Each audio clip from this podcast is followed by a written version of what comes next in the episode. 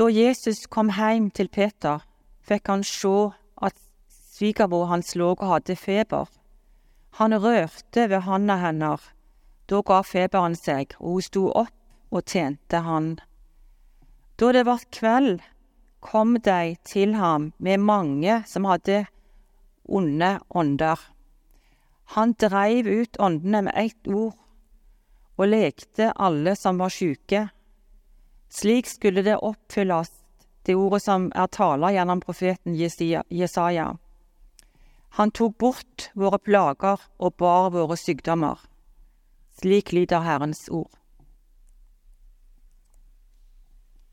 Fersk forskning fra 2023 sier noe om at ansatte som jobber hjemmefra etter koronaen, har en større utfordring rundt å finne en balanse mellom helse og mellom arbeid og privatliv enn de som jobber på kontoret.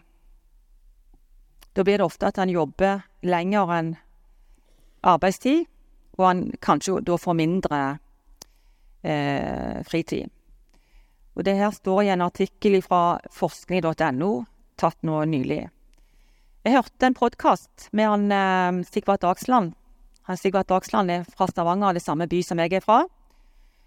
Og han snakket på drivkraft. Han hadde eh, opplevd ei grusom trafikkulykke. Det sto om livet, men han overlevde og fikk trent seg opp igjen. Og det han sa på det programmet som var litt viktig for han nå, hva, hva var viktig for han etter denne sykdomsperioden Han sliter òg med leddgikt. Og det han sa var viktig, det var å finne en balanse mellom, mellom arbeid og, og uh, privatlivet. Fritid. Hovedpersonen i dagens tekst, det er han Peter. Han hadde et fulltidsarbeid arbeid som Jesu disippel, men han var også gift og han bodde, hadde familie i Kapernaum. Disiplene måtte betale en ganske høy pris for å være i, sammen med Jesus. De var mye borte fra familien, og det var sikkert vanskelig å få en balanse mellom arbeidet og privatlivet. Og det tenkte faktisk Peter òg på, og han stilte spørsmål om det. Om han skulle få til vederlag fordi han hadde forlatt for mye og fulgt etter Jesus. Og Det her står i Matteus 19, 27, og da svarte Jesus at han skulle få mangedobbelt igjen og arve evig liv. Det står lite i Nytestamentet om hvordan disippelen Peter hadde det privat, men vi får litt inntrykk i dag i, i prekenteksten. Men det, det er temaet i dag. I Nytestamentet er hovedfokuset hvordan Peter var som disippel og han var den ledende i disippelflokken. Han var fisker for Galilea, bror til Andreas, og ble en disippel av Jesus da. Han var den første til å bekjenne at Jesus er Messias, og Jesus ga han tilnavnet Kefas, som betyr klippe eller stein. Dette navnet symboliserer hans eh, sterke og støttende figur blant disiplene. Likevel så hadde Peter sine svake øyeblikk. Han nekta for å kjenne Jesus tre ganger før Jesus ble dømt til døden. Så livet til disippelen Peter representerer både tro og tvil, og til slutt så blir det dominert av nåde. Eh, og hans historie forteller noe om menneskets feilbarlighet og behovet for å vende tilbake igjen til troa sjøl etter å ha svikta. Peter er en viktig skikkelse i kristendommens historie og en inspirasjon for mange troende i dag. Han var gift. Han bodde i Karpernam. Karpernam er en fiskelandsby, og den ligger litt nord i Israel, eh, nær Genesaretsjøen. Arkeologiske utgravinger viser at byen antageligvis ble etablert eh, på 100-tallet etter Jesus. Viktige næringsveier av denne byen var oliven, eh, dyrking av oliven, korn og fisking. På 1800-tallet ble det oppdaget ruiner fra denne gamle byen. Og det ble foretatt utgravinger. og De har funnet ut at det er en synagoge, og at noen deler av den synagogen kan vendes tilbake igjen til Jesus' i tid. Peter var en av dem som Jesus kalte for å bli disippel, sammen med hans bror Andreas. Og det som var interessant, Jesus møtte han der han var. Han dreiv og fiska. Og Jesus kom til mens de holdt på å jobbe. Eh, og det han sa da, som var veldig pedagogisk eh, Han sa noe fint der. Kom, følg meg, så vil jeg gjøre dere til menneskefiskere. De hadde fiska fisk, og nå skulle de få fiske mennesker. Og Det som er veldig fint i denne tekst, i det sitatet her, det er at han skal gjøre dem til menneskefiskere. Det er altså Jesus som skal gi den utrustningen som, som eh, Peter trengte, og Andreas broren, for å gå inn i en slik oppgave. Men de skulle komme, og de skulle følge, og så skulle han gjøre dem som menneskefiskere. Det står videre i teksten at de forlot garnene, de lå jo bare der, og fulgte han. Hvorfor forlot Peter garnene? Det er litt interessant. Jeg så ikke at det var noe drøfting der om eh, hva han skulle gjøre med garnene. Hvordan familien skulle forsørges, han var gift. Og eh, hvor han skulle bo etter at han ble disippel. Jesu kall krevde en enkel og umiddelbar lydighet, samtidig som han ville utruste han til tjeneste. Hva betyr det for oss i dag? Det betyr at vi òg kan få lov å følge Jesus, og vi kan bli utrusta av Gud til å stå i hans tjeneste. Og han vil være med oss eh, hver dag. Dagens tekst fra Matteus står like etter bergprekenen i Matteusevangeliet. Og så står de plassert i kapittel 8, og der er det mange undre som er eh, presentert. Og Jesus gjør en rekke med under, og vi hadde jo òg noen undre i denne fortellingen i prekenteksten i dag. Eh, hvis vi ser, så har også både Markus og Lukas skrevet om samme historie, om, om svigermor til uh, Peter. Der er det skrevet litt mer detaljer rundt hendelsen. Matteus er veldig knapp i beskrivelsen av hva som skjer. Og vi kan si at Teksten i dag består av tre ting. Den første er det helbredelsen av uh, Peters svigermor. Nummer to så er det utdriving av onde ånder, som er på en måte en sånn samleberetning. Det er flere som blir helbreda. Og så et viktig sitat til slutt fra Jesaja eh, 53. Jeg begynner med den første, eh, om Peters svigermor. Peters kone og svigermor de bodde i et hus i Kapernaum.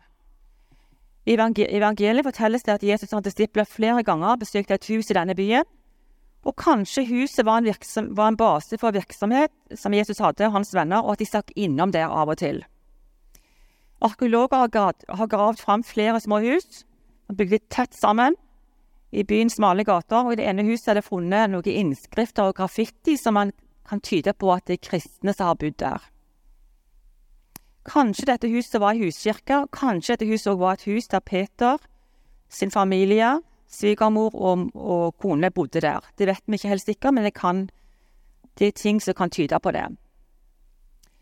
Det er tydelig at disippelkallet Peter fikk, ikke utelukker at han hadde kontakt med familien. Og Der ser vi den balansen mellom arbeid og privat. Han hadde kontakt, han kunne ta imot hjelp fra dem og få støtte fra sin familie. Men nå er det altså Peters svigermor som ligger. Hun ligger strekk ut. Kanskje lå på en madrass, kanskje lå på ei seng på gulvet der og var skikkelig syk. I Matteus er det veldig kortfatta beskrevet hva, hva, som skjedde. Eh, det står ikke hvor sjuk hun var, men ut fra situasjonen så må man regne med at hun var ganske syk foran Peter fikk Jesus til å komme, og han så at eh, denne gamle dama var, var syk. Det som er spesielt med dette underet her, det er at Jesus sier ingenting. Det er veldig vanlig at i forbindelse med underet så sier han noe. Men det står han tar henne i hånda, og med den bevegelsen der så viser han nærhet og omsorg for svigermora si. Og så blir hun frisk like etterpå. Og det som står, at du ble så frisk at du kunne stelle dem med en gang. Og det er jo litt spesielt. Men dette bildet at han tar på henne, viser Jesus sin helbredende kraft han trenger ikke medisiner eller komplekse prosedyrer for å gjøre noe. Det var hans berøring alene som var tilstrekkelig for at han kunne gi, gi henne livet tilbake, eller helse tilbake. Dette minner oss om at Jesus er som den store lege så kan helbrede kropp og sjel. Men den som har hatt feber, vet at han, etter han har hatt feber, så er han litt slapp og medtatt. Men det var ikke tilfellet her. Hun ble frisk med en gang hun ble berørt av Jesus, og tjente dem. Hun var øyeblikkelig i stand til å tjene, og dette er et viktig poeng. Helbredelse og Jesu nærme gir oss ikke bare fysisk helbredelse, men det gir oss også en ny måte å tjene andre på. Kvinnen ble frigjort fra sin feber, ikke bare for sin egen skyld, men for at hun kunne tjene Jesus og hans disipler med kjærlighet.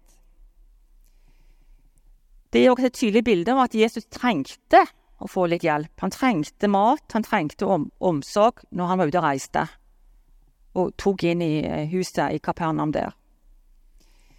Denne korte underfortellingen om Peters svigermor, som er en del av teksten i dag, har en litt spesiell verdi, for den gir oss et lite glimt av at Peter hadde en familie.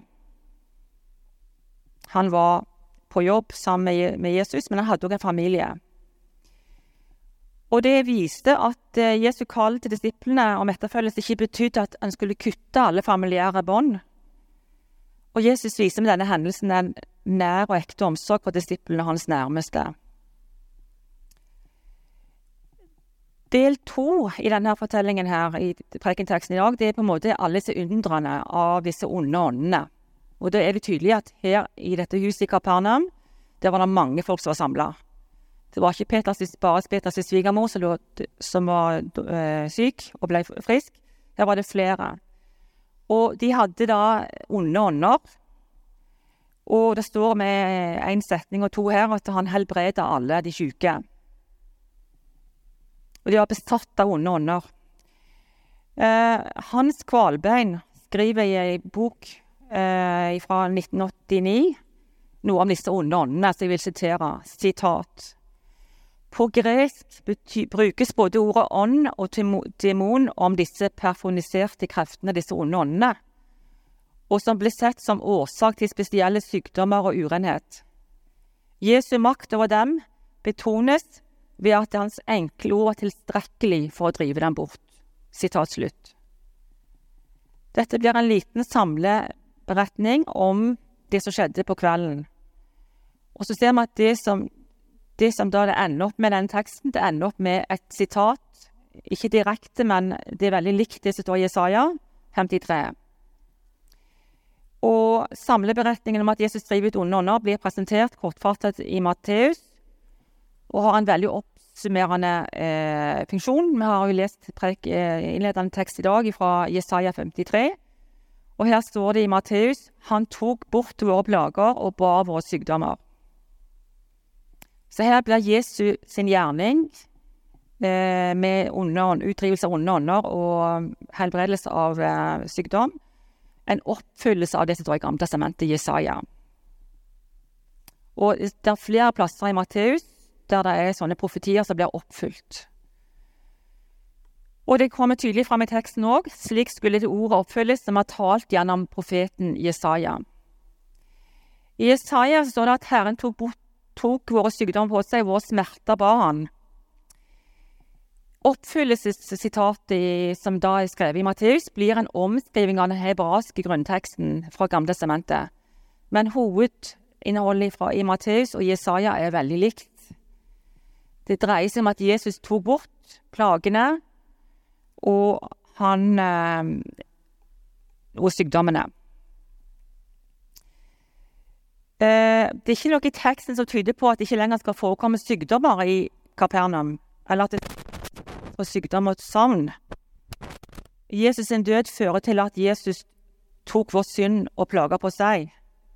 Og for å utføre dette så måtte han gå i døden for våre synder. I andre kor, eh, 5.21, står det et eh, viktig vers. Han som ikke visste av synd, har han gjort til synd for oss, for at vi i ham skulle få Guds rettferdighet. Jesaja 53 handler om profetier om Jesus sin fornedrelse, utmykkelse og, og korsfettelse, og, beskriver viktige hendelser som kommer da i Nytestamentet om i påsken.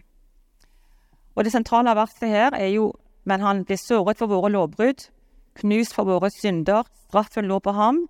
for at vi fikk fred, og ved hans sår ble vi helbredet. Hva betyr den teksten for oss i dag? Jesus har tatt på oss våre synder, kan komme til ham for å få tilgivelse. Vi er blitt rettferdiggjort på grunn av det som han gjorde. Jeg har satt en liten sånn tittel på denne prekenen, og det er 'Bli berørt av Gud, slik at vi kan tjene ham'. Når vi blir berørt av Gud, når Han får ta på oss, så kan vi få bli fulgt av Han, bli utrusta til å tjene Han. Og det vil Han gjøre oss til menneskefiskere. Og Gud vil være til stede både i privatlivet og i arbeidslivet. Julie von Hausmann hun levde på 1800-tallet. Hun var salmeforfatter og skrev salmen 'Så ta da mine hender', som vi sang i dag. Jeg husker min far, som er veldig glad i å synge. Han sang den husker jeg jeg var liten. Så jeg har liksom med meg i, eh, i barndomsskatten min. En veldig fin tekst. Uh, og hun var lærer, hun er Julie, men hun måtte slutte pga. dårlig helse.